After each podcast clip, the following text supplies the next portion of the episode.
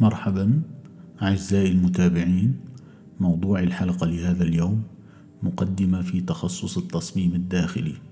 يقدمها الدكتور أحمد أبو هاني. تخصص تصميم داخلي حاصل على درجة الدكتوراه في تخصص التصميم الداخلي من أكاديمية ستوكرانوف الحكومية في موسكو عام 1996 كما أنه عضو في المنظمات الدولية في مجال التصميم الداخلي وفي لجان التحكيم لتخصص التصميم في العديد من المؤسسات التعليمية. نحن برعاية طهبوب تجربة منزلية مطلقة. توضح هذه المقدمة الغرض من المحاضرات وتوضح أيضا دور المصمم الداخلي والمهنيين الآخرين الذين من المحتمل أن يتعاون المصمم معهم أثناء سير المشروع.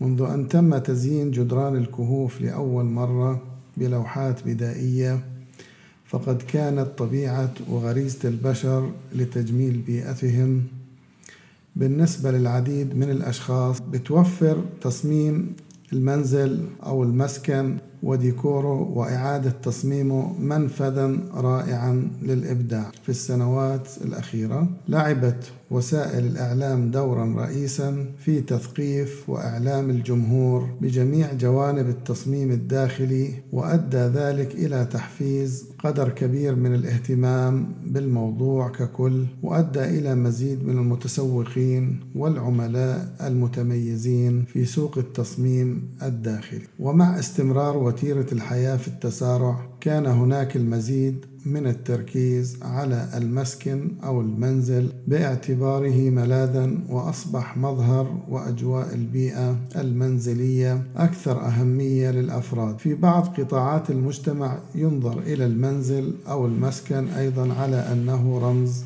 للمكانة والتعبير النهائي عن الثروة والأناقة. لذلك ليس من المستغرب أن يستخدم الناس خدمات المصممين الداخليين بشكل متزايد وأن التصميم الداخلي أصبح بحد ذاته خيارا مهنيا شائعا للغاية.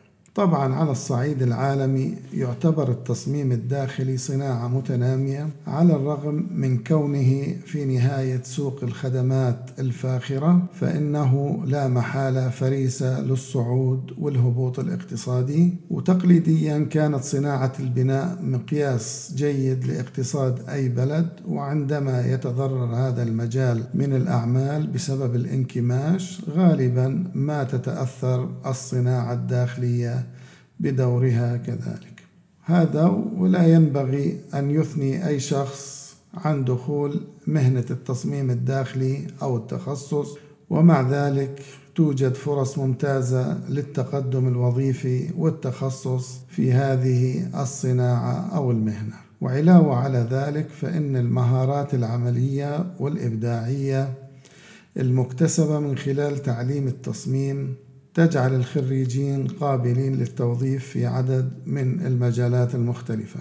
تهدف كذلك المحاضرة في المقام الأول إلى مصممي الداخلي مصممي الديكور العمارة الداخلية الطموحين بما في ذلك خريجي المدارس الثانوية وطلاب التصميم ومحبي تبديل الوظائف. فهي أيضا ذات قيمة الهواة يوفر طبعا مصدر عملي مرجعي لكل من الممارسين في مهنة التصميم أو التخصص التصميم الداخلي الذين يتطلعون إلى توسيع ممارساتهم والسعي وراء فرص جديدة.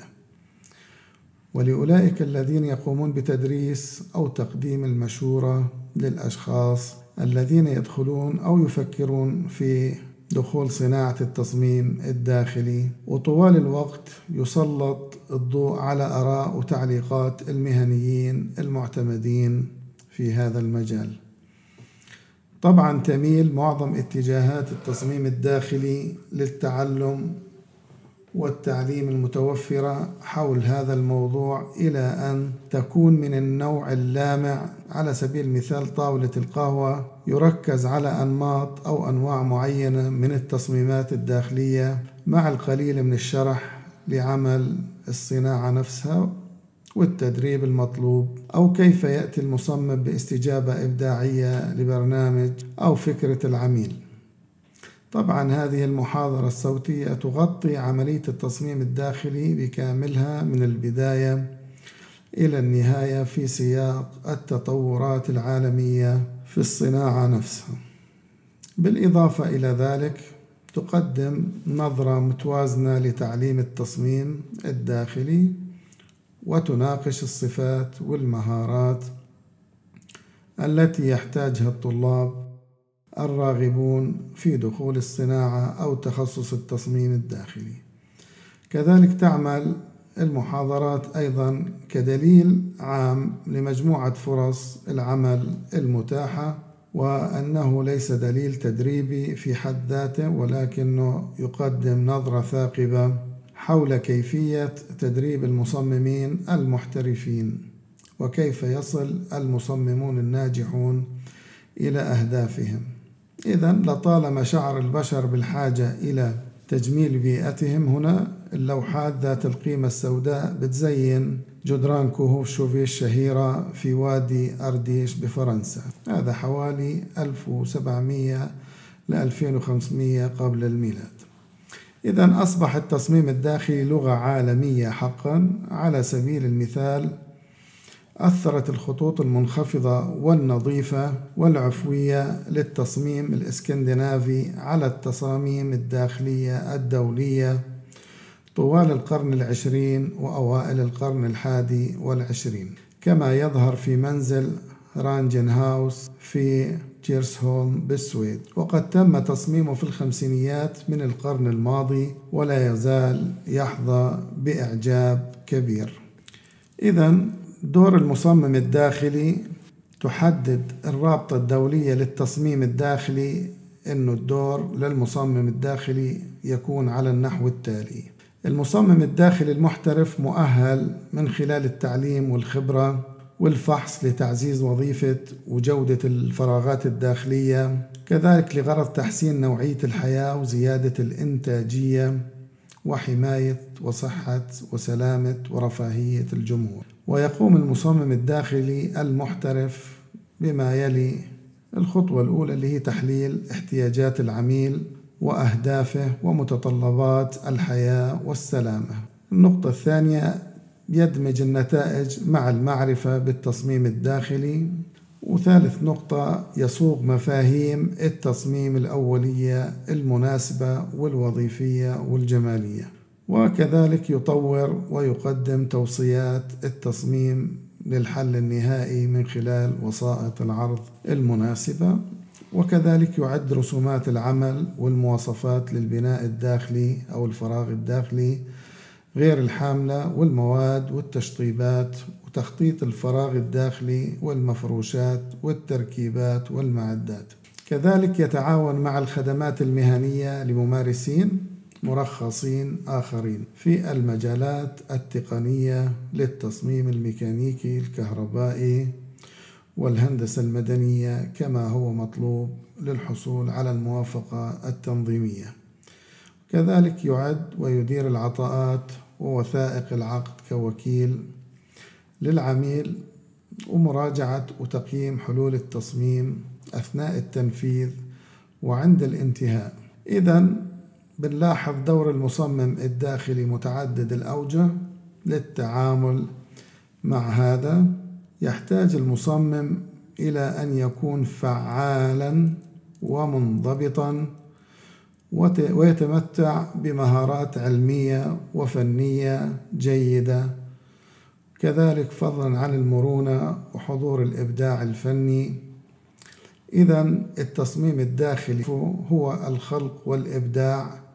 ومن ثم الإظهار والتنفيذ وهو كذلك صناعة موجهة نحو الناس لرفاهيتهم البصرية وخدمتهم الحياتية. وبتتضمن التعاون ليس فقط مع العملاء ولكن مع غيرهم من مهنيين واستشاريين وموردين. ومن الضروري أن يكون المصمم وسيلة تواصل جيدة. إذا بنلاحظ أنه المصمم الداخلي دوره مشابه لمصمم الديكور. ولكن يركز بشكل أكبر على ترتيب الأثاث والألوان والأنماط وتحديد مصادر المواد والتشطيبات وتطبيقها. قد يخطط مصمم الديكور داخلي لتخطيطات الأثاث ولكنه لن يقوم بتخطيط مكاني كبير. ولكن في المشاريع الكبيرة قد يكون جزءا من فريق عمل مع معماري أو مصمم داخلي محترف أو قد يدير مشروعه الخاص حيث قد يعمل المصمم الداخلي أيضا كجزء من ممارسة أكبر أو يعمل لحسابه الخاص. إذا بنلاحظ المتخصصون الآخرون في هذا المجال لهم دور في هذا العصر التكنولوجي الصعب من غير المرجح أن يعمل المصمم الداخلي في أي مشروع بمعزل عن الآخرين. يمكن أن يشتمل المشروع اللي بتطلب تغييرات هيكلية على معماري لتحديد حالة المبنى. في بعض الحالات يقوم المعماري بالاتصال نيابة عن المصمم مع مسؤولية تخطيط للحصول على الأذونات اللازمة. يحتاج كذلك مسؤول الكود إلى إبلاغه بأي مشروع يتضمن عمل هيكلي. حتى لو لم يكن إذن التخطيط مطلوبا في حالة إعادة البناء الرئيسة أو التحويل أو أعمال الإرشاد بيكون من الضروري الاتصال بمسؤولي الكود أو مفتش المبنى أو ضابط الإطفاء. طبعا يشارك المعماري في حالات تتطلب تغييرات هيكلية خارجية كبيرة أو يتم توسيع خاصية قائمة إذا كانت هناك حاجة إلى حسابات لإثبات أنه جميع الأحمال داخل المب... هيكل المبنى يتم إنشاؤها بأمان ويتم احتسابها بشكل صحيح. عندئذ يقوم الإنشائي والميكانيكي والكهربائي بتصميم التركيبات الميكانيكية والكهربائية مثل المصاعد والتدفئة والتهوية. ويتم إحضار أنظمة تكييف أو صوت أو حاسوب للعمل في مشروع معين. وغالبا ما يكون من المنطقي أنه يعمل المصمم الداخلي لوحده أو الاستئناس برأي متخصص إنارة في مخططات الإنارة أو الإضاءة لمشروع معين. طبعا بيشارك مستشارون لخدمات أخرى مثل التدفئة والتهوية وتكييف الهواء وأنظمة الحاسوب والصوت مرة واحدة لمشروع قيد التنفيذ. المصمم الداخلي بتم عمله مع مهنيين للعديد من المهن المساعدة بذلك شركات البناء السباكين التدفئة الكهربائيين النجارين الجص المتخصصين في الطلاء وورق الجدران والأرضيات. والمقاولين والمنجدون وغير من غير المهن من المهن الكثيرة. طبعا من أخذ برنامج العمير وتطوير التصميم إلى الإشراف على المشروع وصولا إلى توزيع الأثاث في الفراغ الداخلي والأعمال الفنية والإكسسوارات دور المصمم الداخلي متعدد الأوجه. في مثال على بريثي هاوس في فرنسا من قبل شركة مسافر أكسس في بداية المشروع بيحتاج المصمم لصياغة واستجابة إبداعية للبرنامج وغالبا ما يتم استخدام لوحة مفاهيم أو فكرة لاستحضار جوهر التصميم ويطلب من المصمم المختص في تصميم المكاتب إنه يوفر راحة وبيئات عمل مناسبة عملية كما هو موضح في صالة عرض فيترا بلوس أنجلس بواسطة Sevil Peach Gence Associates. طبعا عبر سبع محاضرات بتبين لنا تخصص التصميم الداخلي في مراحل السياق بتستكشف مجموعة واسعة من المعلومات والمفاهيم. والعمليات اللي من المحتمل أن يواجهها المصمم وتراجع إمكانيات التوظيف المختلفة وبتقدم المشورة بشأن تأمينها لتصبح وظيفة أولى ومهمة للغاية. طبعا فيما يلي ممكن طرح مراحل للتكلم عنها. المرحلة الأولى بنسميها مرحلة السياق اللي هي بتعبر عن لمحة عامة عن التطور التاريخي للتصميم الداخلي والتغييرات الأسلوبية الرئيسة عبر القرون وبيبحث في كيفية عمل صناعة التصميم الداخلي. اليوم من منظور عالمي ويحدد مختلف أقسام السوق والتخصصات الموجودة في المهنة. المرحلة الثانية اللي راح نستخدمها أو يستخدمها المصمم اللي هي أعمال ما قبل التصميم وبتبحث هاي المرحلة الأولية لمشروع التصميم علاقة التصميم مع العميل منهجية العمل تجميع المعلومات مناقشة كيفية استخدام البحث لتوليد أفكار مبتكرة والتي يمكن بعد ذلك تطويرها إلى حلول إبداعية.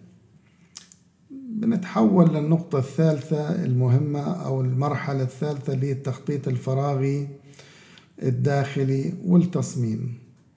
تحديد مبادئ التصميم الجيد وتفاصيل كيفية الشروع في دمج الخدمات المعقدة التي يتطلبها المنزل الحديث أو التصميم الداخلي سواء كان تجاري أو لأهداف أو أغراض أخرى كان أحد التغييرات الرئيسة في ممارسة التصميم الداخلي هو أنه من المتوقع أنه يكون لدى المصممين معرفة فنية كبيرة من أجل العمل مع ذوي الصلة من استشاريين لاستيعاب أحدث التقنيات في الفضاء الداخلي أو الفراغ الداخلي.